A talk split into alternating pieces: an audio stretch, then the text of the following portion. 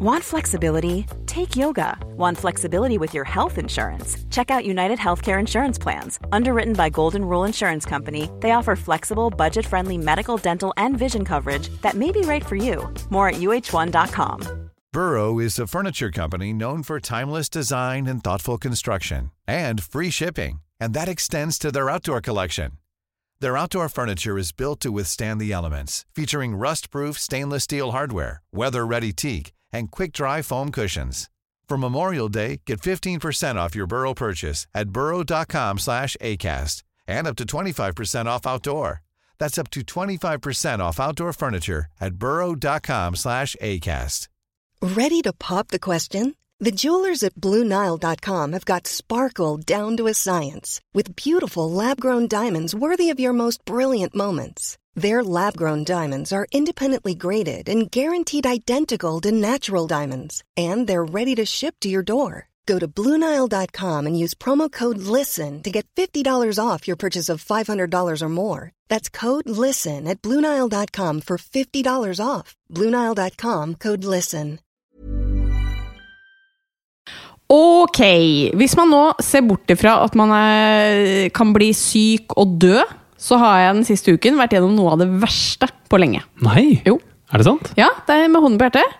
Eh, det, var, altså det, det, det er noe av det mest traumatiske jeg har opplevd. Er dette clickbait for at folk skal høre videre? Ja, dette er en sånn bloggerne legger ut sånn Kan ikke dere hva, men er på fotoshoot. Gleder dere til resultatet. Ja, men her er får vi vite sånn- det. Ja, dere får vite det veldig snart. Men det er sånn Jeg er litt redd om det er too soon å snakke om, på en måte.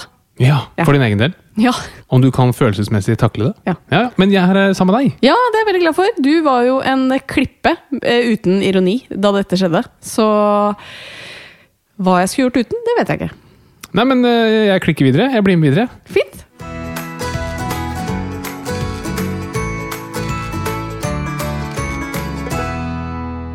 Hei og hjertelig velkommen til eh, denne episoden av Åpen journal. Tusen takk for det. Eh, Hva håper du at kommer ut av denne episoden? Nei, du har jo tisa den bra. Jeg er veldig spent. Ja. Tissa? Teaset. Jeg vet det. Jeg vet hva det er. Det var et humorforslag. Eh, ja. Sånn billig kroppslig humor, det er ikke min greie. Nei, det er du i hvert fall ikke. Eh, men i dag så skal det handle om noe som skaper veldig mye følelser, men også sinne og engasjement, og det er abort. Og vi skal snakke om hvorfor og hvordan det skjer, abortloven, NIPT-test og mye mer. Og jeg kjente i hvert fall da vi forberedte oss til denne episoden, at dette var et veldig spennende tema. Det er veldig spennende. Ja. Det er uhyre spennende. Det rammer veldig mange, og det er veldig mye følelser involvert i dette her. Mhm. eh, ikke minst når vi skal begynne å snakke om eh, ja, hvorfor man får spontanabort, hva som er reglene rundt eh, provosert abort. Vi skal snakke om NIPT-test. Der har jo du og jeg litt erfaring. Så ja, jeg tror dette blir eh, spennende. Ja. Og så får vi også besøk av en veldig hyggelig fyr som danset seg inn i våre hjerter, men ut av konkurransen. Joakim Kleven.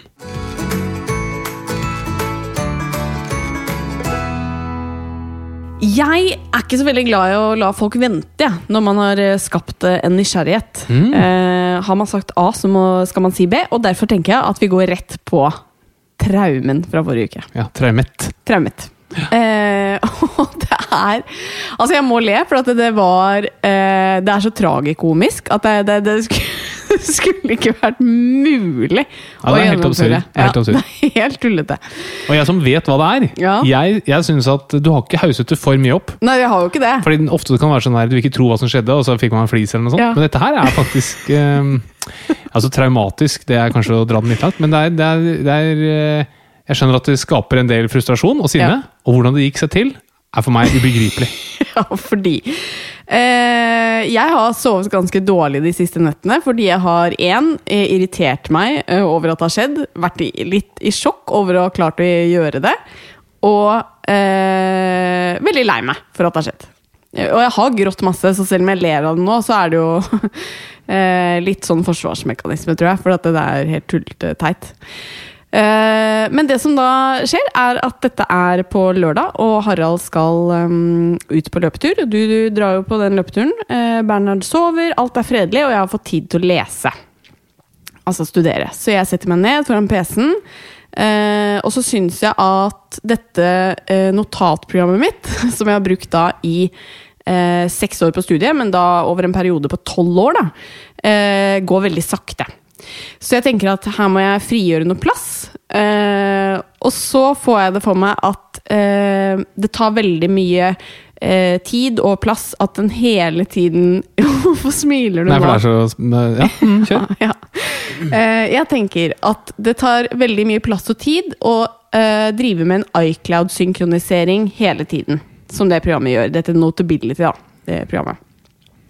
Så da trykker jeg på iCloud, og så står det jo der, der uh, slett Notability fra uh, iCloud. Uh, den vil bli slettet på iCloud og enhetene dine. Ikke sant? Og da tenker jeg at Men det er greit, fordi iCloud den, Det kan jeg jo bare skru på etterpå, på en måte når jeg er ferdig med å scrolle gjennom disse notatene. Og det er jo da 879 notater jeg har fra medisinstudiet. Og det er alle år. Så det er sortert jeg fra første år, andre og tredje år. Ja. Eh, og så eh, trykker jeg da på slett eh, alle notater. Eh, eller slett notability fra iCloud. Og så går jeg tilbake igjen for å lese. Du får opp i hvert fall én advarsel. Ja, jeg fikk opp eh, 'Er du sikker på at du vil gjøre dette?' Det fikk du opp, og da trykket du. Ja, trykket det, ja. Ja, det er jeg sikker sikker på. Går tilbake til notability, eh, og der er det som Hvis dere har sett på film at man blir hacket At liksom alle pengene dine på kontoen din bare Du ser de forsvinner, liksom. Eh, så er det dette som skjer. Eh, det står bare 879. Og så blir det liksom 878, og det raser nedover. Og jeg ser bare notater. Slette, slette, slette, slette. slette Til Og jeg sitter bare helt sånn her Hva faen, hva faen, hva faen? Hva faen? Til det bare er null notater igjen. Ja. Null notater fra medisinstudiet. ja. Jeg er på siste året. Jeg trenger alle notater som kan finnes der ute. Eh, du kommer jo heldigvis hjem veldig fort, og da er jo jeg helt i eh, Da, da er jeg på randen. ja litt over randen. Ja, litt over akkurat over. Og så er jo det som er greia, at eh, det viser seg at notatene i dette programmet, det lagres kun i iCloud. Det lagres ikke i programmet. Altså For å si det litt enkelt, da, for å forklare begrepene. Så du sitter i et program og noterer alle Altså, når du gjør notater i forbindelse med studiet ditt, så noterer du et program. Og det Yes. programmet heter Notability. Og det lagres i iCloud. Det Ja. lagres et annet sted. Og du har da vært inne i iCloud og slettet alle notatene. Og så er spørsmålet har, du- har jeg en sikkerhetskopi. For Nei. det kan man jo Man kan både sikkerhetskopiere selve programmet Ja. og selve iClouden. da. Ja, det er skrudd av. Det har du skrudd. Det av. Så eh, Man skal ikke tro at det er mulig, men jeg har på egen initiativ slettet alle notater fra hele medisinstudiet. Yep. Og de er borte vekk. De er borte vekk! Eh, og da er det jo klart at man gråter fælt. Ja, det, er, det er helt tragisk. Det er helt Ja. forferdelig. Det er under veldig få mennesker å oppleve det der. Ja, det er faktisk helt forferdelig. Og det er veldig sånn, det der når man gjør noe veldig dumt selv Hadde på en måte noen stjålet Mac-en min og jeg ikke hadde fått tilgang til det, det kan man på en måte leve med, men, men jeg har gjort dette en veldig, som en veldig bevisst handling. Og jeg, jeg sa det jo til deg etterpå at jeg lurer på om jeg har fått et drypp. liksom. Ja, fordi jeg må si Det var helt merkelig. Jeg har ikke turt å si dette, her selvfølgelig, men Ja. det, det var helt Jeg skjønner ikke at det er mulig. Nei, jeg vet det. Og da, Jeg, det var sånn jeg tenkte tilbake på dette her med mm, Therese Johaug og den der um, leppemaden med Ja, doping i. ja. Jeg har alltid tenkt sånn "Ah, du, Den ser du, liksom, Mm. når du er lege og gir den bort. Men nå skjønner jeg. Hvis du klarer å gjøre det du gjorde der, ja, da klarer du også å gi bort en sånn dopingkrem. ja. Så um, Nei, det var, eh, det var litt overraskende klønete gjort. Så da har jo uh, du, for jeg klarer jo ikke det, jeg har helt, uh, vært helt ute av meg, du har snakket med Apple, uh, og de sier at de prøver, da.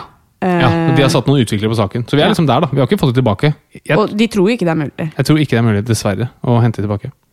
Men eh, da er det jo godt å ha svigerfar på laget. Ja, For han ringte jo, ikke sant? Han hadde fått høre dette her, da. ja, Og så var problemet at han ringte jo mens du var der. ja. Så han ringte og sa sånn Du, hvordan er det mulig? Hva er det som har skjedd? Og jeg måtte bare si sånn Nei, men det var enkelt. Altså, jeg var helt enig med han, men jeg kunne selvfølgelig ikke si det da du var der. Men um, han ringte jo opp en to-tre ganger underveis på ettermiddagen. da. Og sånn, du, nå har jeg tenkt på en ting. Det er fint med Halvard Flatland, han er full av gode ideer. Har du sjekket i papirkurven? ja, Halvard, det har vi sjekket. Ja, tusen takk. Ja, ja, ok, er. Og så ringer han på en. Du, nå kom jeg på en ting. Har du sjekket i der hvor det heter nylig slettede elementer? Ja, ja, jeg har tenkt på det. Og sånn fortsatte han utover ettermiddagen. Så det, Men det kunne jo hende de lå der. det kunne hende. Ja. Absolutt. Så jeg er glad han spør. Men det, det er jo litt sånn Hvis du sitter og så spør noen du har puttet i strømkabelen. Det Ja. det er også ørlite grann irriterende. Selv om det selvfølgelig er veldig positivt ment. Og så må jeg bare rette en takk til uh, medisinstudent Victoria, uh, som jeg har gått på kull med uh, for flere år siden. Som har blitt en venninne av meg. Eh, som er ferdig på studiet. Hun har sagt at jeg kan få hennes notater. Ja, Det er veldig snilt. Eh, Er det fordi en, eh, er det en shout-out? det er en shoutout, og det er en, eh, verdens største shoutout. Det er veldig veldig snilt. For jeg må jo si at eh, da jeg i dag skulle sette meg ned, og du sa sånn Nå kan jo du ta en time og lese. Så var jeg sånn Ja, men da bare googler jeg lommelegen.no, og så prøver å lese litt der. Altså, hvor skal man begynne? Jeg har jo ikke bøker, jeg har bare notater. Ja. Så det jeg tenkte sånn eh, Har jeg noen oppdatering fra studiebenken i dag? nope! Nei, de Det er er gått i søpla. Ja, det er gått i søpla. Eh, så det var oppdatering fra meg. Ja, spennende. Takk. Vær så god. En berg-og-dal-bane i følelser der. Ja. Eller egentlig bare Nei, det er en- bare bånd. bare dal. Ja. Men derfor kan jeg jo eh, prøve å få opp humøret mitt når du nå skal spille av en lyd som kanskje jeg klarer å få poeng for. Ja, det kan vi gjøre. Ja. Fordi vi er klar for um, lyden av katta. Spennende. Og vi har til og med fått en ny jingle Oi! til den. Og den skal Katarina spille av nå.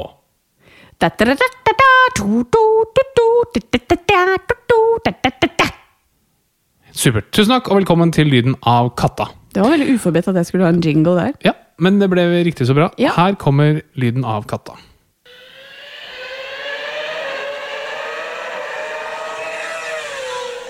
Jøss. Ja, hva var det? Det høres da virkelig ut som en racerbil. Det er helt riktig. Og hvorfor er det lyden? Mm, skal vi til uh, Formel 1? Nei. Nei. Vi skal til at du er en racer. Å! Ja. Hvordan da? Nei, du er det. Du er så flink. Prøver du å bygge meg opp nå? Nei, dette her, eh, denne her hadde jeg faktisk laget til for, For jeg skulle egentlig ha det forrige uke, Okay. og det glemte du. Så dette var uavhengig. Men eh, jeg mobber deg ofte Ja. i podkasten. Og eh, belyser dine svake punkter. Men Ja. du er utrolig flink. Så utrolig hyggelig. Det Det veldig jeg å høre i dag. Ja, jeg vet det. Men du skulle egentlig fått høre det forrige uke. Nei. Så det handler ikke om dagsformen din. Oi. Det handler om dagsformen min. Ja. Og du er bare så flink. Du er så flink mamma, du er så flink på skolen, og du jobber. Du er helt rå. Det vil jeg bare si. Tusen hjertelig takk. Ja, Og du er veldig smart. Vet du hva? Det, og Men jeg dette mener er det. uten ironi. Ja, jeg merker det på deg. Tusen hjertelig takk. Jeg er veldig stolt av deg.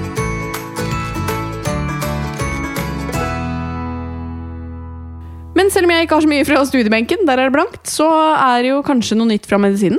Ja, vi er klare for siste nytt fra medisinen. Der har vi ikke fått noen jingle ennå. Nei. Nei, dessverre. Men vi kan ha den allikevel. Eh, da bare kjører jeg i gang. selv om det ikke er noe jingle. Ja. Først en liten korreksjon. Fordi vi er alltid åpne for korreksjoner. Og vi snakket jo om eh, vulvodyni Ja. i en tidligere episode. Og vulvodyni det er jo kroniske smerter i de ytre kjønnsorganene hos kvinner. En viktig lidelse som mange har. Eh, Man vet jo, som vi snakket om, ikke hvorfor noen får disse smertene. Men jeg sa i episoden at det kunne være en betennelse i vulva. Mm. Men det er feil. Det har man gått bort fra. Ja, man har gått bort fra Ja. den eh, teorien der. Det er, ingen, det er ingen objektive funn. Man finner liksom ikke noe gærent annet enn at eh, kvinnene har smerter Mm. ved en vulvodyni. Så takk til eh, Vulvodyniforeningen for at de tok kontakt og mm, påpekte den feilen. Ja, så bra. Så det var ene, første og viktigste. Nummer to, som egentlig er det siste nye, da, det er at jeg leser at syv av ti norske kvinner de kjenner ikke til sammenhengen mellom alkohol og kreft. Oi! Ja, Så da tenkte jeg at uh, vi må f- fortelle litt om det. Ja. For nå har det vært litt ny forskning og som er ganske, med ganske høy kvalitet, som har sett på uh, kreftrisiko i mage og tarm når man drikker alkohol. Og det man har sett, er at hvor ofte man drikker, har mer å si for risikoen enn hvor mye man drikker. Så hvis du drikker veldig veldig masse i helgene og ikke ukedagene, så er det mye bedre. for mindre kreft av det enn hvis du drikker litt hver dag.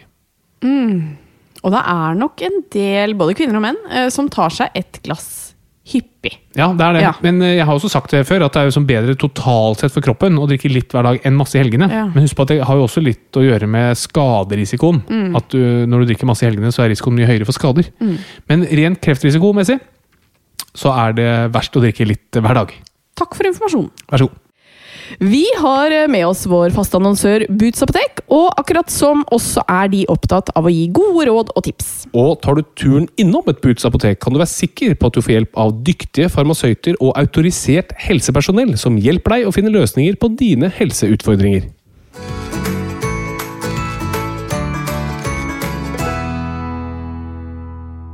Denne uken så skal det handle om eh, noe som vekker eh, mye engasjement, og ikke minst følelser. Og det er jo med god grunn, fordi dagens tema det er abort. Og hvordan defineres en abort, Harald? Jo, eh, abort det er en graviditet som avsluttes. Og det kan være at den avsluttes spontant, altså av seg selv. Altså at kroppen bare eh, slutter å fortsette med, med, svangerskapet. Eller det kan være at den er provosert fram. Altså det at man ønsker å avslutte eh, graviditeten på en eller annen måte. Ok. Og så finnes jo da forskjellige typer innenfor de igjen. Eh, altså Hvilke typer abort finnes? Nei, det, altså Alt deles for så vidt i to. Enten så er det en, en abort som kroppen står for, altså uten at man har gjort noe aktivt for å avslutte svangerskapet, eller så gjør man det aktivt for å avslutte svangerskapet. Men det fins forskjellige måter å aktivt avslutte et svangerskap på.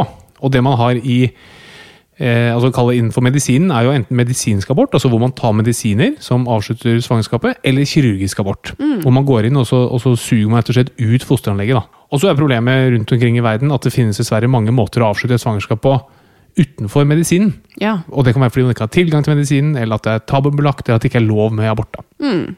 Ja. Eh, og det gjør jo bare vondt å tenke på, så jeg tenker ikke vi skal snakke så mye om sånne metoder. Men, men det er veldig viktig, fordi ja. det er en ekstremt viktig årsak til um, død blant kvinner. At man fremprovoserer en abort? Ja. altså jeg tror liksom På verdensbasis så tror jeg opptil halvparten av alle aborter altså provoserte aborter som skjer liksom utenfor, um, utenfor den etablerte medisinen. Ja. Det er veldig skummelt. Ja, så jeg er helt enig. Vi, men grunnen til at jeg tar det opp, er fordi man tenker ofte at Norge er viktig, og, mm. men og det er det. Men noen ganger så bør vi løfte blikket og se hva som skjer rundt omkring i verden. Ja. Men jeg tenkte at vi skulle snakke litt om uh, uønsket abort. da. Eh, altså en spontanabort. Hvorfor skjer det? Så Det kan være mange årsaker til, eh, til at man opplever en spontanabort. Altså at eh, kroppen, eh, kvinnekroppen da slutter å la fosteret vokse, eller faktisk kvitter seg også med hele fosteret, eller fosteranlegget. Og En viktig grunn er at det er noe galt med fosteranlegget. Det er en veldig viktig årsak, i hvert fall til svangerskaps, um, spontanabort som skjer tidlig i svangerskapet. Så kan det være at det er noe galt med hormonene hos mor, eller det kan være at det kommer infeksjoner i eller rundt uh, livmoren. Um, eller det kan være ting i livmoren som gjør at livmoren ikke klarer å holde fosteranlegget inni seg. Eller at det ikke klarer å la fosteranlegget vokse. Mm. For dette er jo ekstremt vanlig.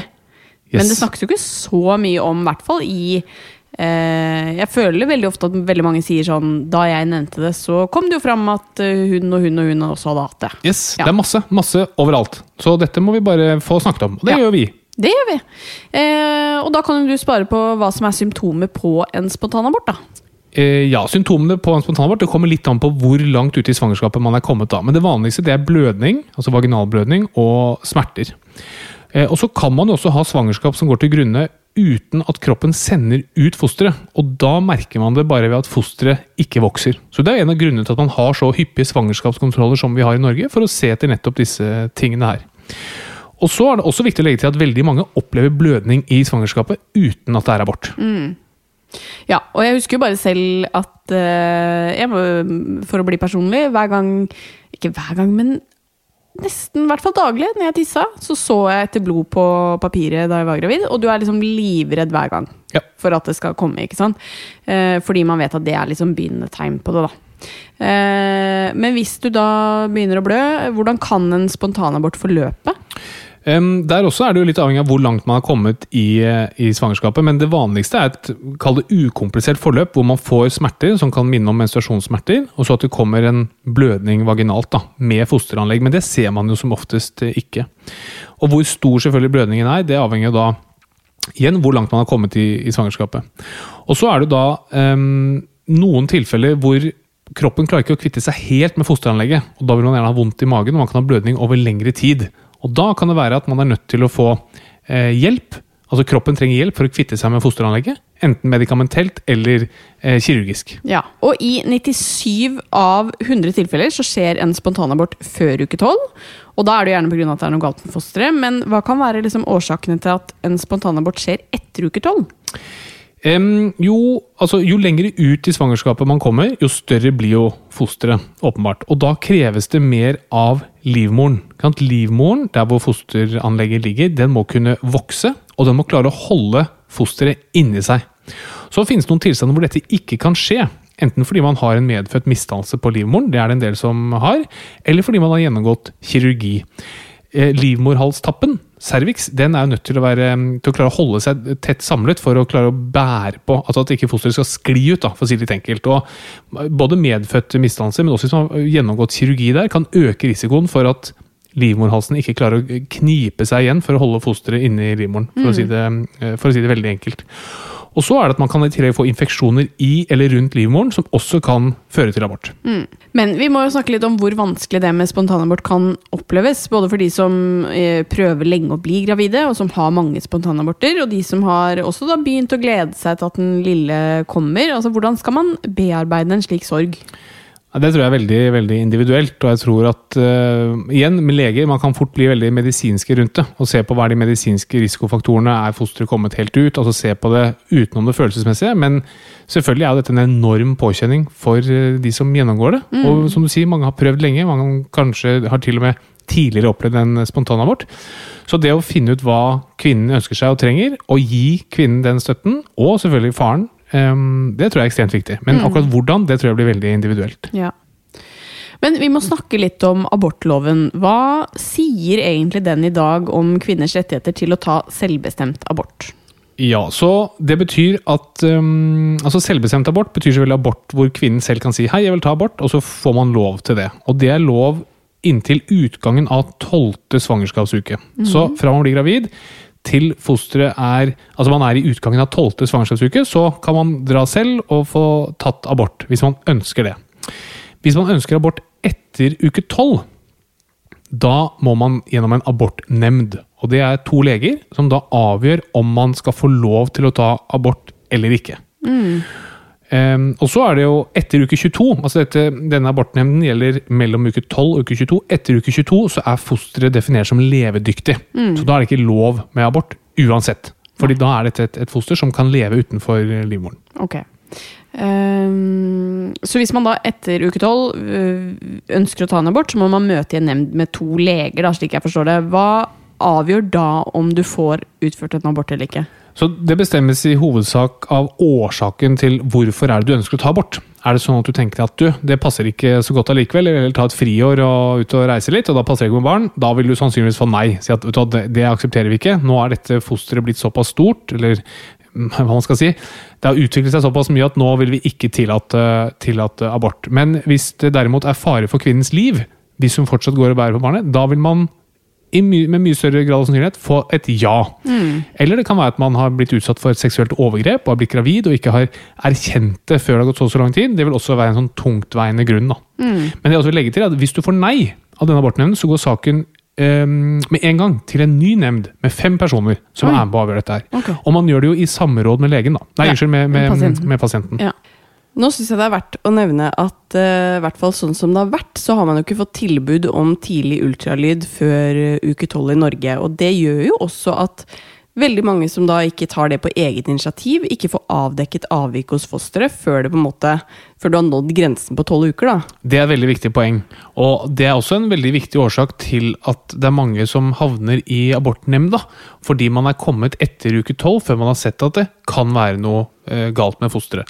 Og husk at Valget om å ta abort er ofte en veldig vanskelig avgjørelse å ta. og Det er veldig sårt og det er veldig leit for veldig mange mennesker. Og Dette kan jo også være litt av grunnen til at det nå kommer nye regler som gjør at tidlig ultralyd skal være tilgjengelig for flere. Mm. Og så bør det kanskje også nevnes at eh, dersom saken kommer opp i en nemnd, så, så får jo de aller fleste ja, slik jeg har skjønt? Det er riktig. Og husk på at man tar alltid med kvinnen i en sånn avgjørelse. Og denne abortnemnden er jo Det skal ikke være en motspiller eller noen som skal argumentere for hvorfor du ikke skal ta abort, men det handler om å finne en eh, god løsning, en best mulig løsning for kvinnen. Men tanken er også litt at dette ufødt, eller dette fosteranlegget må også ha en representant. Altså noen som eh, kan tale dette eh, fosteranlegget sin sak. Mm. Men sier man da eh, prøver å overveie om man ønsker å ta en abort eller ikke, som må være utrolig vanskelig å vurdere, eh, hva kan man gjøre? Hvor henvender man seg? Eh, man kan henvende seg ganske mange steder. Det, det, å få hjelp til å ta en abort er blitt ganske enkelt. Altså, det finnes mange steder i helsevesenet man kan henvende seg, og man kan få god informasjon. Og det å ta abort det er selvfølgelig underlagt taushetsplikten. Eh, det er helt gratis, og både fastlegen eller helsestasjon eller gynekolog eller sykehuset der du bor kan hjelpe deg med dette her. Så finnes det en fantastisk tjeneste som heter Amathea som er en gratis rådgivningstjeneste hvor man kan ringe og snakke litt om hvis man lurer på om man skal ta abort eller ikke, eller er fortvilet fordi man har kommet i en vanskelig situasjon, så kan man ringe til Amathea. Det kan man bare google. En veldig, veldig god tjeneste. Men er det sånn at man kan velge selv om man ønsker en eh, medisinsk eller en kirurgisk abort? Eh, ja, det er i hovedregel så er det sånn. Og så er det at litt på ulike stadier i svangerskapet så foretrekker man noen ganger medikamentell variant og noen ganger kirurgisk variant. Men man har veldig stor påvirkningskraft på dette her selv, og man kan i stor grad være med å velge selv hvilken variant man ønsker. Eh, hva med etter en abort, da? Hva er det man skal være obs på? Det man skal være litt obs på, dette får man veldig god informasjon eh, om. Eh, under inngrepet, og etter selvfølgelig inngrepet. Men det man særlig skal være eh, obs på, det er hvis man får eh, mer vondt i magen. Altså magesmerter som vedvarer, eller blødninger som vedvarer. Og etter og under en, en abort så vil man ha blødning. Det er sånn kroppen kvitter seg med, med fosteranlegget. Og da kan man si litt enkelt, da har man en åpning fra ute i friluft og inn i livmoren. Og Da er det viktig at man ikke bader, f.eks. Man skal, bør ikke bruke tampong, bør ikke ha samleie og en del sånne ting, men som man får veldig god informasjon om. Men vi er alltid litt redde for enten at man ikke får ut hele fosteranlegget, eller at det blir infeksjon. Det er det færreste gangene at dette skjer, men eh, disse tingene kan være obs på. Og igjen, man får veldig god informasjon. Husk at alle som jobber i helsevesenet, er ganske gode på dette her og er som regel veldig imøtekommende og hyggelige, og de har fullstendig taushetsplikt. Så er du i tvil, kom og snakk med noen! Fordi det er alltid god hjelp å få. Um, men i 2020 så kom det jo da en lovendring om NIPT-test, eh, hvor genetisk fosterdiagnostikk nå er tilgjengelig for alle gravide. Ja. Hva tester man med en NIPT-test? Ja, dette er superinteressant. Så NIPT-test, eller NIPT, som står for non-invasiv prenatal test, det er en undersøkelse som ser på fosterets DNA via en blodprøve fra mor. Mm. Dette er en test som har vært tilgjengelig på markedet i ca. ti år. Norge har bare valgt å gjøre den ulovlig for de aller fleste gravide kvinner. Og den ser på eh, i, I blodet hos mor så vil det ha lekket over noe arvestoff fra barnet. Og Det betyr at du kan se på f.eks. risiko for DNA Um, uh, hva skal jeg si, avvik, eller mm. kromosomfeil, hos barnet ved en blodprøve hos mor. F.eks. Downs syndrom er et kromosomavvik. Og det kan du da eh, få rede på ved å ta en blodprøve hos mor. Men tidligere så har jo ikke alle i Norge hatt tilgang på dette. Men eh, hvem kan få det nå, etter den nye lovgivningen? Ja, så Tidligere har det vært ulovlig i Norge i det hele tatt. Eh, bortsett fra noen kvinner, hvis du har hatt eh, eh høy alder hos mor, eller høy og høy, da, men eh, en grense på alder hos mor, og hvis det har vært tidligere fosteravvik, unnskyld, tidligere kromosomavvik. Mm. Da kunne du tatt den. Ellers har det vært helt ulovlig. Nå er det gjort en endring som gjør at det er lov i Norge for alle sammen. Alle mm. som vil ta den, men de som er over 35 år, de får det dekket av staten. Mm. Men alle andre de må betale, og det er ganske dyre greier dette her. Koster mellom 6000 og 10 000 kroner. Mm. Og da er spørsmålet, kan man stole på en uh, positiv prøve av en NIPT-test? Nei, ikke sant? dette er det som er veldig vanskelig med den testen. Fordi mm. den, er ikke, den er ikke helt sikker. I den forstand at hvis du tar en NIPT-test og får vite at det ikke er noe galt, det kan du stole på. Men du vil ofte få beskjed om at det er noe galt, selv om det ikke er noe galt. Mm. Jeg vet ikke om man klarte å forstå det, men, men, det er noen egenskaper ved den testen. da. Den er ikke 100% Den er ikke sånn sett, eh, på de områdene, veldig god. da. Og der har jo Vi var jo og tok den. Mm, jeg tenkte vi skulle snakke litt om det. Ja, mm. eh, Og så har jeg også blitt kontaktet av venner og bekjente som har lurt på om, om de burde ta den. Mm. Og Det er først da jeg egentlig har skjønt implikasjonene av dette her. Mm. Fordi det er ikke bare en blodprøve som du tar. Du, det er veldig vanskelig å forholde seg til svaret på en sånn prøve.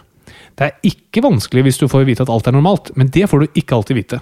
Det som er veldig vanskelig, er at du risikerer å få høre at hm, her er det et eller annet, og så må du ta stilling til oi, oi, oi, skal jeg ta abort, skal jeg ikke ta abort? Og så er det svaret du har fått, egentlig veldig, veldig usikkert. Mm. Ja. Vi dro jo til eh, Danmark, eh, for dette var ikke Norge, mm, lov i Norge på daværende tidspunkt. Så vi dro til Danmark og tok den. Noe flere andre nordmenn gjør, da. Eh, og jeg må si det at jeg syns det var eh, veldig fint å ha gjort det fordi vi fikk jo, ikke sant det, Her er alt bra eh, på prøvesvaret. Men jeg er litt usikker på nå om jeg ville gjort det igjen med et eventuelt neste barn. Og det har vi diskutert fordi eh, vi brukte veldig lang tid på å på en måte bestemme oss for å ta testen. Fordi vi måtte også bli enige om hva gjør vi hvis det er positivt svar på denne eh, prøven. Og denne prøven. Og denne prøven. Um, og det er ikke like lett. Fordi, som du sier, det er ikke sikkert at det positive svaret er riktig. Eh, det er så komplisert Det er ekstremt komplisert. eh, Og så finnes det for- til. og så finnes det jo forskjellige varianter. Du Ja. kan teste for få ting eller mange ting, og så er spørsmålet hvor mange ting vil du teste for. Ja, Skal du først begynne å teste litt, så kan du teste bredt. Ja. Ja. Så det er uhyre komplisert. Og eh, det er kanskje lett å si, men hadde det nesten vært best om den testen ikke fantes. Mm. Det jeg er personlig veldig motstander av, det må jeg si, det er når testen er tilgjengelig utenfor, altså rett utenfor Norge. Mm. Da får du et todelt helsevesen som man er så redd for. Da får du at de som er ressurssterke og bryr seg, de drar til utlandet. Som vi ingen- gjorde, da. Som vi gjorde, Ja. Mm. men ingen andre får muligheten. Det er jeg veldig motstander av. Så Det er helt riktig, synes jeg, som Norge gjør nå, å åpne for det også i Norge. Mm. Fordi du må unngå dette todelte helsevesenet. Men, eh, men jeg tror nok at eh, det, det skaper mye, også mye trøbbel, en sånn blodprøve. Nå er det jo sånn at heldigvis så er de forplikta, de som eh, tilbyr denne testen, å gi god veiledning. Men man kan jo ikke alltid vite om man får det i store doser. Så det håper jeg bare at man, eh, man overholder, da. Ja. Ja. Eh, så det var egentlig litt eh, våre tanker om det. Eh, kunne snakka i det lange og det brede om det her, egentlig. Ja da, og, men eh, vi skal ikke komme med noe råd om man bør ta det eller ikke. Men bare tenk veldig nøye gjennom hvorfor man tar det, og hvilke mulige utfall som kan komme av å ta en sånn prøve. Og jeg må si, jeg vet ikke om jeg hadde gjort det neste gang. Kan godt hende jeg hadde gjort det. Ja, Ja. Kan godt hende jeg ikke hadde gjort det da. Ja, det er veldig vanskelig. man blir ikke klokere av å høre på denne podkasten nødvendigvis. Nei, men husk på, man, skal, man vil, trenger ikke alltid svaret. Nei. Man vil gjerne ha refleksjon. Og du hadde vært en irriterende lærer på skolen, merker jeg. Ja. Eh, men eh, da har vi i hvert fall eh, fått litt klarhet i eh, denne tematikken også. Så bra.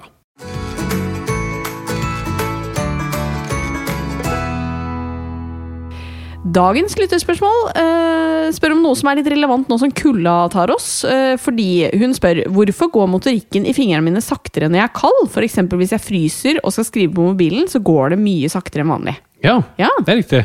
Eh, Når man blir kald på hendene, så kutter kroppen blodforsyningen til det kalde området. Man er litt kynisk eh, sånn sett, og da blir man egentlig enda kaldere, da. Eh, Man kunne klart å holde kroppen varm hvis, bare, hvis kroppen bare fortsatte å sende masse blod dit, men man sier at nei, den er kald, da, da får den klare seg selv. Vi kan ikke risikere at resten av kroppen blir kald. Um, og når ting er kaldt, så går ting treigere. Og det er fordi at i fingrene våre så er det jo kjemiske reaksjoner som skjer som gjør at vi klarer å styre fingrene våre. Det er kjemikalier eller substanser som går fra nerver over til muskler, og det er kjemikalier og substanser inni musklene som får det til å trekke seg sammen. Men alt sånt går mye saktere når det er kaldt, og derfor så beveger vi fingrene saktere. Er du alltid kald i hodet? Ja, Ja. derfor går ting fryktelig. Derfor det går så sakte. Men det er derfor du har kjøleskap, ikke sant? Fordi du vil at forråtnelsen Alt råtner. ah, Så du putter ting i kjøleskapet, for da går forråtnelsen saktere. ja. Du er så smart. Tusen takk for det. Ja.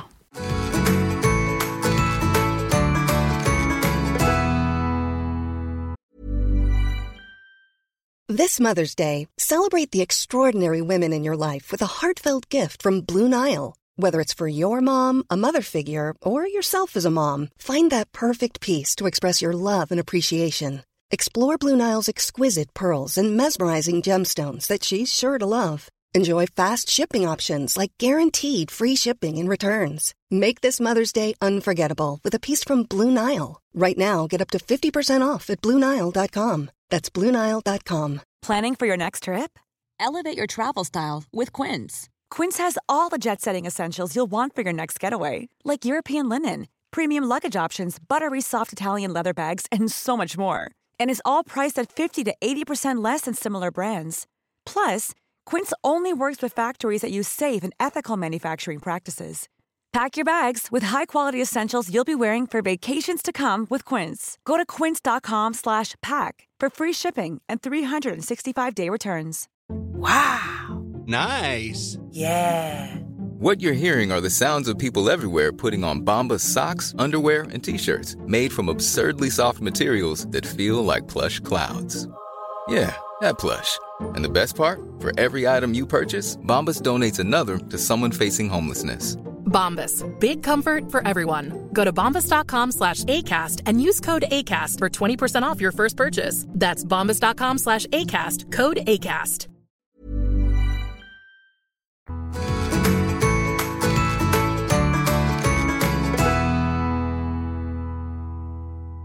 Jeg har gledet meg veldig til eh, å få besøk av dagens gjest, som er Joakim Åh, Kleven. Hjertelig velkommen. Takk! Koselig å være her. Og jeg sa, sa rett før vi starta, jeg syns dere er så couple goals. det er så hyggelig. Uh, Det er bare en fasade. Jeg så er litt sånn bare- småforelska i typen din. Er det. du? Det var er veldig en kjekk kar. Syns du det? Ja, men Ja. det er noe sånn, ok, Du er lege, i tillegg så er du så liksom sånn morsom og jovial. Liksom, er sånn, Nei og nei. Ja, det er sånn check, check, check. Men jeg Nei, er faktisk, hyggelig. Vi tuller jo fælt med hverandre, men jeg er veldig forelska i deg sjøl. Syns du er uh, veldig fin. Nei. Jo, Å, det syns jeg. Så nå, her ligger en liten trekant i lufta. Ja, og hallo! Ok, kutt. Nå- Vi tar opp den etter podden. Vi gjør det, Joakim. Men hvordan går det med deg? Eh, nå veldig bra. Nei, nei. Bedre og bedre. bedre, bedre. Du, det går veldig fint. Jeg føler at det, jeg har eh, jeg, jeg har vært litt sånn der, bipolar den siste Ja. sånn to månedene. For det har liksom vært helt fantastisk premiere, Skal vi danse drøm som går i oppfyllelse. Og så typ nesten drømknus. Vi har hatt sjokk-exit i Skal vi danse.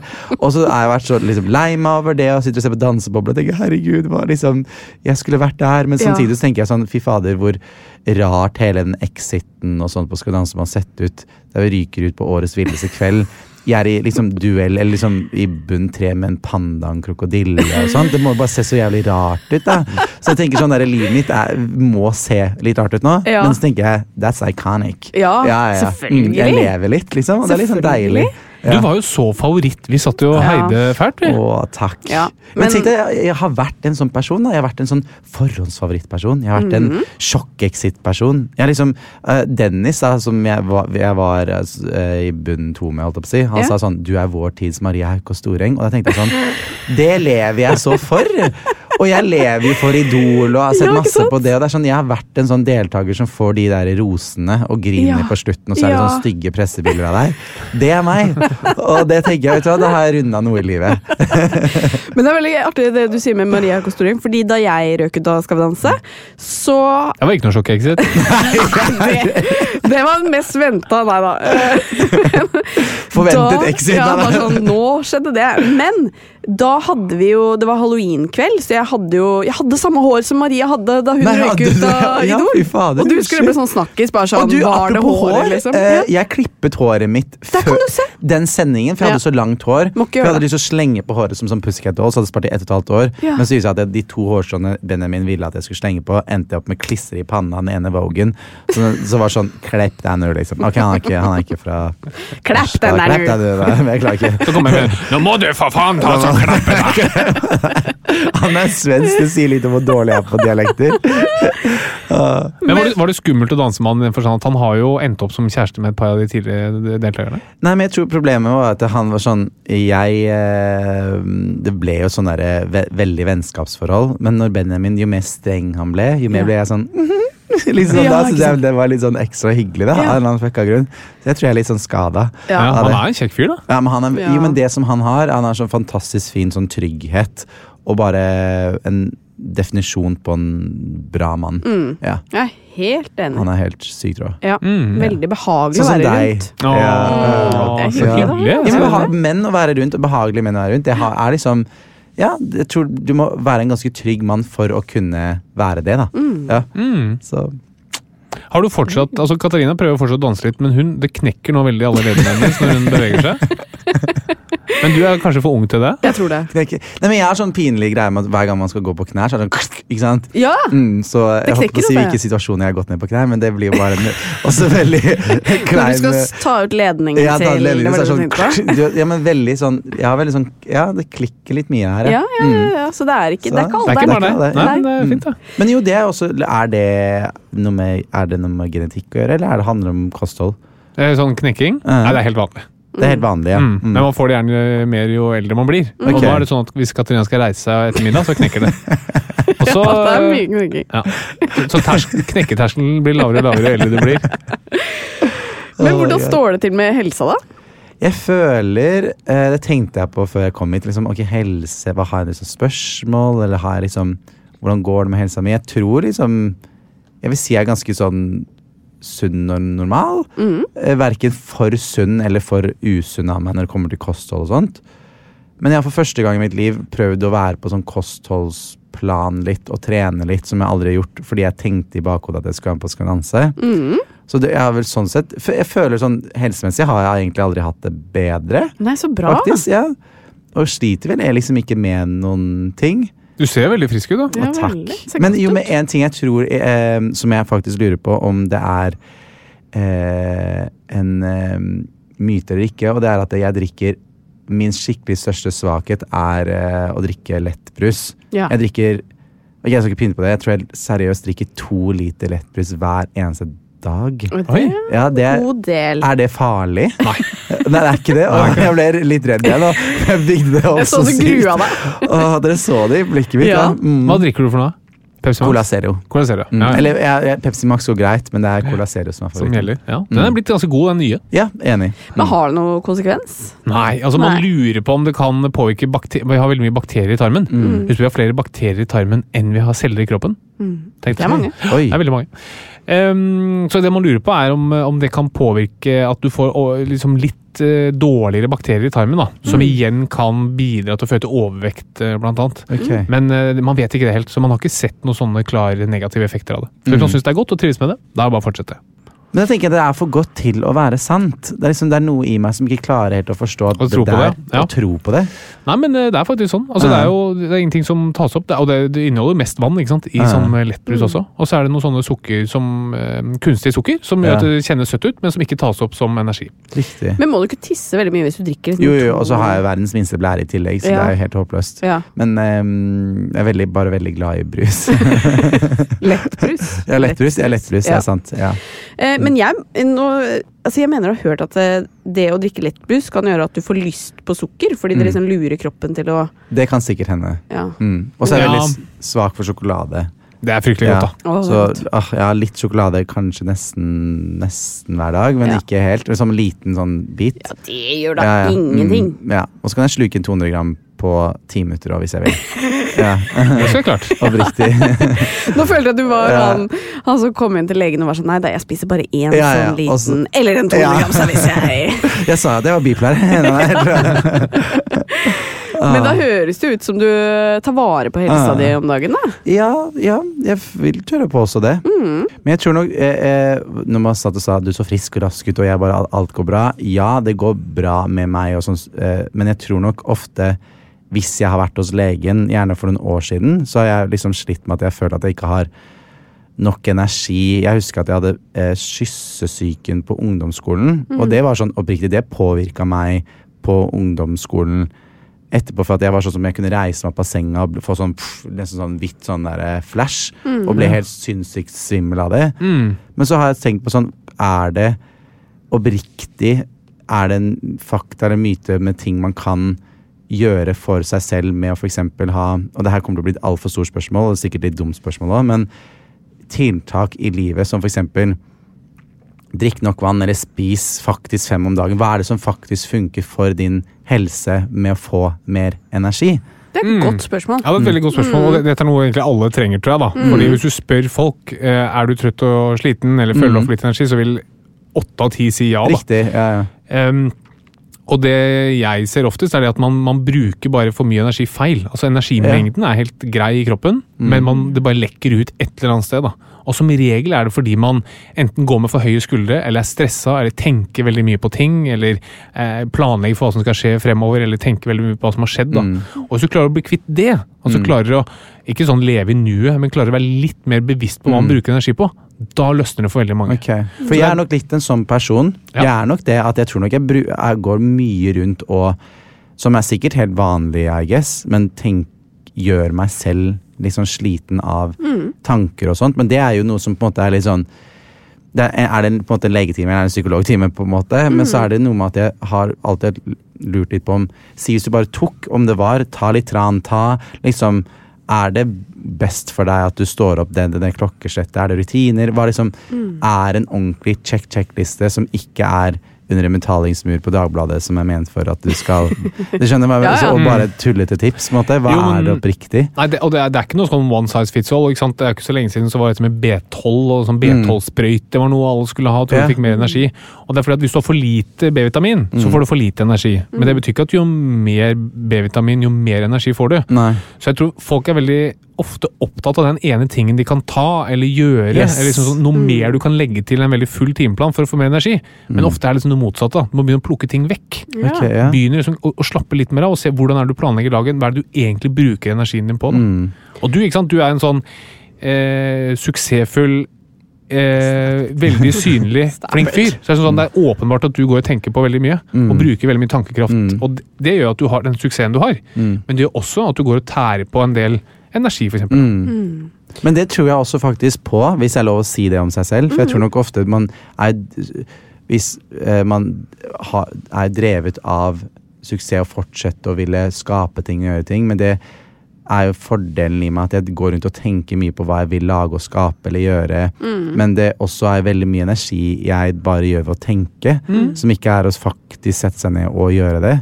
At noen ganger når man faktisk skal sette seg ned og gjøre det, blir man nesten litt sånn utbrent av det òg, fordi man har brukt så mye tid på Ja. å tenke på det. da. Men Så- hvor god er du på å sove, for eksempel? Da? Jeg har veldig godt sovehjerte, men jeg er veldig B-menneske av meg. Så jeg måtte jo bare le når jeg så at det sto 0945 på meldingen din, og jeg var her ni. Så er jeg sånn, tuller du, liksom? Ja, Joakim kom tre Ja, ja. kvarter for tidlig i dag. For det sto liksom eh, Katarina Flatland podkast, sto det i min kalender klokka ni. Så ja. Men, men, men jeg tror no, jeg sover eh, Jeg har et godt Du sover nok, liksom? Ja, jeg- fordi det er jo en ting jeg Mm. tenker at hvis folk er sånn, hva kan jeg gjøre? Mm. Det å, å få nok søvn, eller eh, i hvert fall god søvn når du sover òg, er jo viktig. Jeg har Jo, liksom altså, sovet seks og faktisk syv timer. Jeg er veldig glad i åtte. da Så Hvis jeg har sovet seks eller syv Ja, timer, ja. da kan jeg nesten være litt sånn lei meg for jeg ikke har sovet åtte. Ja, selvfølgelig. det skjønner jeg godt. Mm. Men um, er du sånn som uh, Hvis du får symptomer, googler du i vei, eller er du sånn avslappa i forhold til ting? jeg gans, tror jeg er ganske avslappa til det. Ja, så bra. For jeg tror nok, Hadde jeg begynt, så hadde jeg blitt Mm. helt stressa. Og så sliter jeg jo faktisk veldig med Er det én ting jeg Hvis man skal gå deep, så er det at jeg sliter med dødsangst. Så jeg tror nok sånn hvis jeg skulle gått Ikke at jeg er redd for at jeg skal dø nå i en bilulykke, men bare døden syns Ja. jeg er kjempeskummelt. Døden det blir så dramatisk å snakke om, men eh, hvis jeg da skulle begynt å søke opp ting og Det er da jeg tror jeg kunne blitt litt crazy på det. Mm. Ja, men jeg syns Altså, det at du tar det opp, er sånn øh, Det tror jeg veldig mange sliter med. Mm. Og jeg også, jo mer jeg nesten studerer Vi har hatt litt om døden nå, da. Mm. eh, og hvordan på en måte snakke med pasienter om Mm. døden. Og det er eh, Vi har fått egentlig litt sånn hjemmelekse å, tenke hva slags forhold vi selv har til døden. Mm. For det kan få deg til å gjøre noen refleksjoner når du skal Ja, snakke ja, med pasienter shit. om det. Og da blir man litt sånn Eh, Altså, det er jo ekstremt ubehagelig. Mm. Uh, men så Det er litt sånn banalt, men han ene foreleseren hadde med en sånn bilde av Snoopy. av- Husker dere Snoopy? Snoopy den, Den hunden? Ja. Ja. Som ligger på det taket. Ja, Ja, og så sa liksom Snoopy sånn uh, Vi lever bare én gang, Mm. så vi må liksom gjøre det meste ut av det. Og så sier jeg vet ikke hva, Hvem er vennen til Snoopy, egentlig? Er det Oliver eller noe sånt? Ja, det kan godt hende. Mm. Så sier Oliver at eh, nei, Snoopy, det stemmer ikke. Vi, vi dør bare én gang, men vi Mm. lever hver dag. Ja, å, det var fint sagt. Det var egentlig ja. fint sagt. Mm, og da ble jeg sånn, når jeg går inn i det der dødsangstgreiene, Mm. så fikk det meg til å minne på sånn Ja. Men skal jeg bruke livet da på å grue meg til døden, Mm, eller skal ja, jeg er, bruke livet på Det er veldig sant, det. ja. Ja. Men, Men er det altså, fordi du lurer er på hva som skal skje Mm. etterpå? Hva, hva som skjer etterpå Ja, døden? Nei, jeg tror liksom at jeg er nok mer realist der. Et, Mm. sånn, ja, over det. Og at jeg bare er ekstremt glad i livet. Mm. Så jeg tror nok, Det her høres nesten ut som du har psykologtime med dere, men jeg tror nok ah, mye av det handler om måten jeg er på, er at man vil gjøre mest mulig, eller eh, oppleve mest, ha energi nok til det, f.eks. Ikke at jeg en, ikke en person som sliter med ADHD og skal være helt overalt hele tiden, men jeg vil jo det, for eksempel at jeg tenker at man lever bare én gang, da. Men eh, den følelsen har jeg nok tenkt mye at man vil få gjort så mye i løpet Ja. av det livet òg. At man vil ikke liksom fucke det opp med energien sin, eller prioritere det riktig. At litt sånn tid er ma- mangelvarefølelse på en måte inni seg. Selv om jeg er veldig glad i å finne roen og slappe av og finne energi på den måten. Det tror jeg er viktig at man har et bevisst forhold til hva man prioriterer. For jeg tror Ja. veldig mange bare subber gjennom livet, og så plutselig er man ah, shit, dette Ja. var det. Mm. Altså Man tenker at man lader opp eller liksom øver til et senere liv. eller Mm. Ja, sånn, ja. ah, Bare jeg får det på plass, så er det i orden. Men Ja, ja. Altså, du har liksom bare akkurat nå. Mm. Og det prøver jeg også å minne folk på innimellom. Fordi Mm. mange føler at ja, men jeg må ha jobb sånn og sånn, eller så må jeg få et fint hus, og så må jeg ha boliglån, så må jeg ha Mm. fin bil. Og så ak akkurat som at du tenker at ah, hvis jeg når det punktet, da blir jeg lykkelig. riktig. Mm. Men Og sånn er det jo ikke. sånn er det ikke. Nei. Mm. Mm. Det er ikke det. Men um, hva er det beste du gjør for helsa di da, Joakim? Beste jeg gjør for helsa hmm. Åh, det Hva er det? Du trener? Eh, jeg, tre, ja, jeg, tror, ja, jeg tror jeg har blitt flink på å uh, spise sunnere og mer. At jeg har lært litt sånn de siste årene For eh, jeg har jo slitt med spiseforstyrrelser for en del år siden. Med at man eh, noe, Jeg tror nesten folk ikke tenker på, hvis man skal tenke på den forfengelige delen nå, er at hvis du vil bli litt sterk og få muskler og sånt, så er det jo også å spise en god del mat også. Ikke at jeg skal trigge at det er Ja, eh, si noe feil her, men eh, at man lærer at man får mye energi av det òg. Så jeg har jo, selv om jeg snakker mye om det med energi, at jeg vil jo anvende den på best mulig måte, så føler jeg at jeg har fått det bedre ved at jeg har den siste tiden spist litt mer sunnere og riktig mat når jeg har trent, f.eks. Mm. Men samtidig også tillate meg Jeg tror nok det sunneste livet du kan ha, er jo eh, at du er litt sånn både og. da, Du kan liksom unne deg litt ting også. Du skal ikke bli helt manisk på det heller, med mat. Og um, det er godt spørsmål. Og så er jeg, jeg fester vel kanskje sånn en gang i uka. Det er kanskje ikke så bra, men jeg er sånn Alt unna dop. Det skremmer meg òg. Aldri rørt liksom noe form for narkotika whatsoever. Ikke en joint engang. Så det er sånn, sånne ting vil jeg ikke røre. Så det vil jeg si at jeg egentlig på en eller annen rar måte er litt stolt av. For jeg er jo i en bransje der det kan være litt mye craziness, liksom, hvis det er lov å si. Og det er jo Ja. kjempebra for helsa. Mm. Bare det at man ikke tar, som du pleier å si, bare at du ikke tar intravenøst uh, narkotika. Ja, jeg liker at det er det beste Opp SV, Jeg tar ikke narkotika. Jeg vet Jeg er bare redd for hvordan det skal påvirke meg. da. Jeg, vil, no- jeg er nok en person som vil ha mye kontroll på meg og mitt. mm. Men eh, vi skal jo gå til quiz før vi hjelp! runder av, og det Ja. gleder vi oss veldig Å, til. herregud. Ja. Ja. Jeg håper dere er godt forberedt begge to. ja, det Vi- er vi. Kjører quiz. Yes.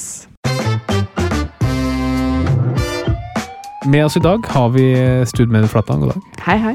Og en Skal vi danse-bauta, må vi si. Ja. God dag. Å, jeg trodde du mente meg. Nei da. Mente ikke deg. Men du tenker at vi har det til felles. Vi er to skal vi danse-dyr fra Hagerud. Stjerner. Skal vi danse stjerner? Eh, eh, Joakim, Yes. hvorfor bør man ikke tømme sure væsker i norske fiskevann? Hæ?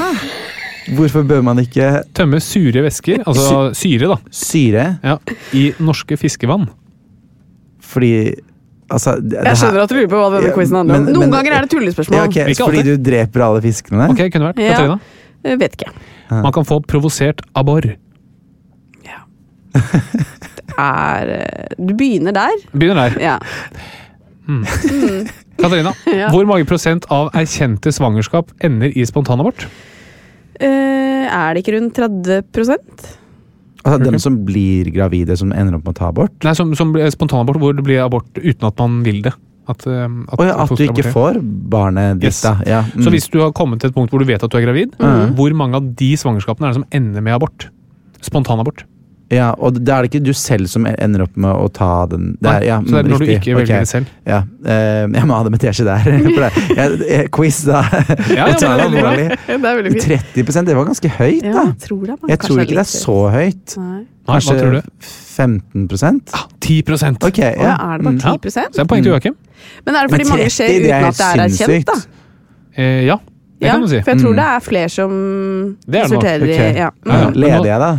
Det gjør det. Men du må høre spørsmålet, Flatland. Um, Joakim, Mm. hvis du har fire venninner som er blitt gravide, Mm. hva er sannsynligheten for at minst én av de har opplevd en spontanabort? Men du sa det var 10% så da Mm. er det jo eh, sjansen Da er det 25% på hver Å, nå regne um, Jeg vet ikke om det her blir riktig. Jo, du tenker riktig. Hva er sannsynligheten for at én av de har opplevd en spontanabort? Ja, da må det jo det være eh, 50% da. Ok, Katarina? 20 Cirka 40 oh, ja. okay, ja. Hvordan gjør du det regnestykket? Nå ble jeg nysgjerrig. Nei, du må, altså Rent matematisk så må du regne ut sannsynligheten for at de ikke får det. Mm. Eh, Ja. altså du må Fire stykker. Sannsynligheten for at du ikke får det, er 90 Ja. Og så må du ha det ganger fire, så 90 altså 0,9 det er det samme som 90% ganger 0,9 ganger 0,9 ganger 0,9. Å ja. Og så én minus det. Dette er avansert matematikk. Ok. Men Mm. poenget mitt er det at um, Jeg tenkte heller at det er 15% av fire venninner, på en måte. Hva er det? Jo, da er det en halv venninne. Halv venninne. Ja, men det er ikke så dumt tenk det. Mm. Hvorfor 15?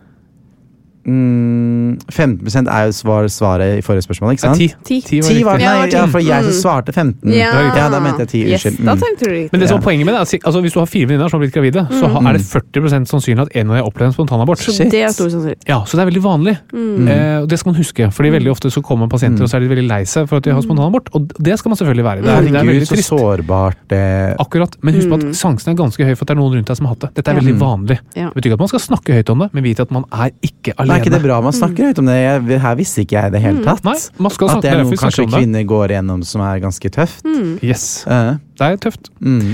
Um, uh, Joakim, hvilken fiskeart kan bite deg helt uten forvarsel? Fiskeart. Men da skal jeg sikkert en hai, da. Ok, Katarina? Er det et ordspill med abort? Det var jo abbor i stad. Ja, Så er det abort, da? Spontanabbor. Ja, men herregud, du hadde jo du Ja, og så tok du den ikke. Nei, men Det var, det var tynt. Ja. Greit. Katarina, hva Ja. er den viktigste årsaken til spontanabort i første trimester?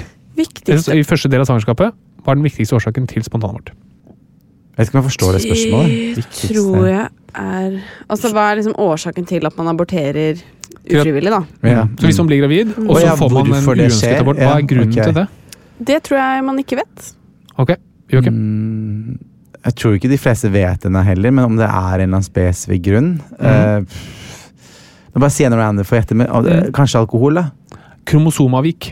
Ja. Ok. Ja. Så det er, Kromosomavik. hvis man får en Jeg tror bare eh, alle drikker hele tiden. Ja, men alkohol Ja, men- er en, eh, et godt går- forslag, men det er vel egentlig ikke det. Nei, si. trenger ikke være redd for det. Eh, men Så det betyr at hvis man er så uheldig å ha en spontanabort, Mm. som jo 10% har, så er det Mm. sannsynligvis eh, at det er dessverre noe galt med fosteret. Mm. Mm. Så vet man det. Ja.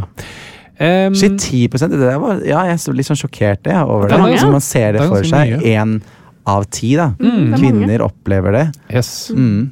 Etter, etter de vet at de er gravide. Etter at de Etter at de vet. det er som gleden av det. Mm. Mm. Ja, så det er, eh, dette er veldig vanlig. Mm.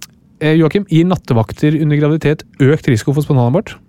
Hva sa du altså nå? Hvis du er gravid og jobber nattevakt, gir det økt risiko for spontanabort? Nattevakt på jobben din, Mm, liksom? Sykepleier, for eksempel, eller lege, eller Nei, jeg tror ikke det. Jeg håper da ikke det. Katarina? Jeg vil nesten tro det. Ja, det gir Ja. litt okay. økt risiko. Mm. Nei. Ja. Hvorfor det?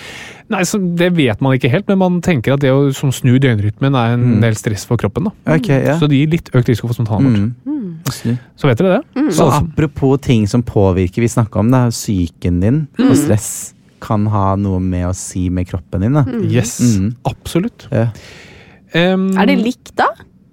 Eh, ja, er det ikke det? Jo, for nå fikk jeg et poeng. Ja, Nei, nei. Katarina, Ja. hvor lenge skal man vente etter en abort med å bli gravid?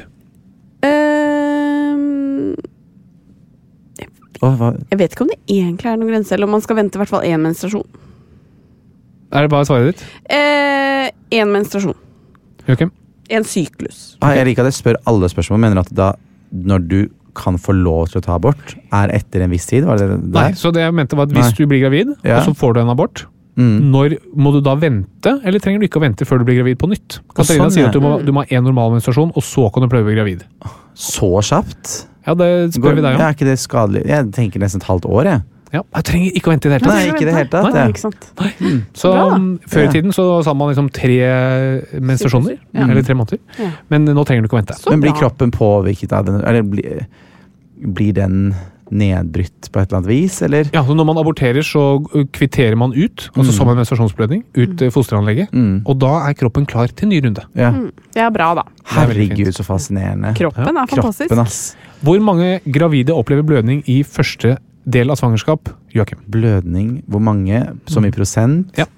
Bare si noe random med Mm. 30% Katarina? Ja, sikkert 50% 20 Nei, der fikk Poeng Joakim poeng, gitt! Ja, men der, du hadde poeng i stad, så er det likt. Nei, nå leder Ja, Joakim igjen. Ja, oh, ja, okay, ja, okay. Dere bare syns synd på meg for jeg røyker på Skal vi danse. Men tenk det, 20% opplever altså blødning i første del av svangerskapet. Mm. Første trimester. Eh, siste spørsmål her, da. Mm. Katarina, kan man stoppe en spontanabort? Joakim? Nei, jeg tror ikke det. Helt riktig. Man kan dessverre ikke stoppe en sånn Mm. Men det betyr at Joakim, du vant dette her. Ja, det er fantastisk! Gratulerer! det, det er stolt. Ja, det skjønner jeg. Det har du all grunn til å være. Ja. Tror du at dette var dette, vant dette mm, Veide det opp for at du røk ut av Skal vi danse? At du vant denne quizen? Ja, ja, ja. Jeg slo deg henne. Ja, ikke sant? Ja, tenk det. Og hun har studert medisin i 16 år eller noe sånt. ti. I ti. Uh, men uh, før vi avslutter, så skal vi selvfølgelig gratulere deg med seieren. Og så pleier vi å få et råd til Bernhard, vår sønn, for hvordan han skal bli en trygg og fin gutt når han vokser opp. Ja. Det kan være et livsråd. Og, og jeg skal gi tips Ja. nå, Mm. til, til, til han. Ja. Et livsråd. Um, åh, jeg prøvde å komme på om jeg kom på noe dit, men jeg tror a- at jeg har lært at med at jeg har slitt med f.eks.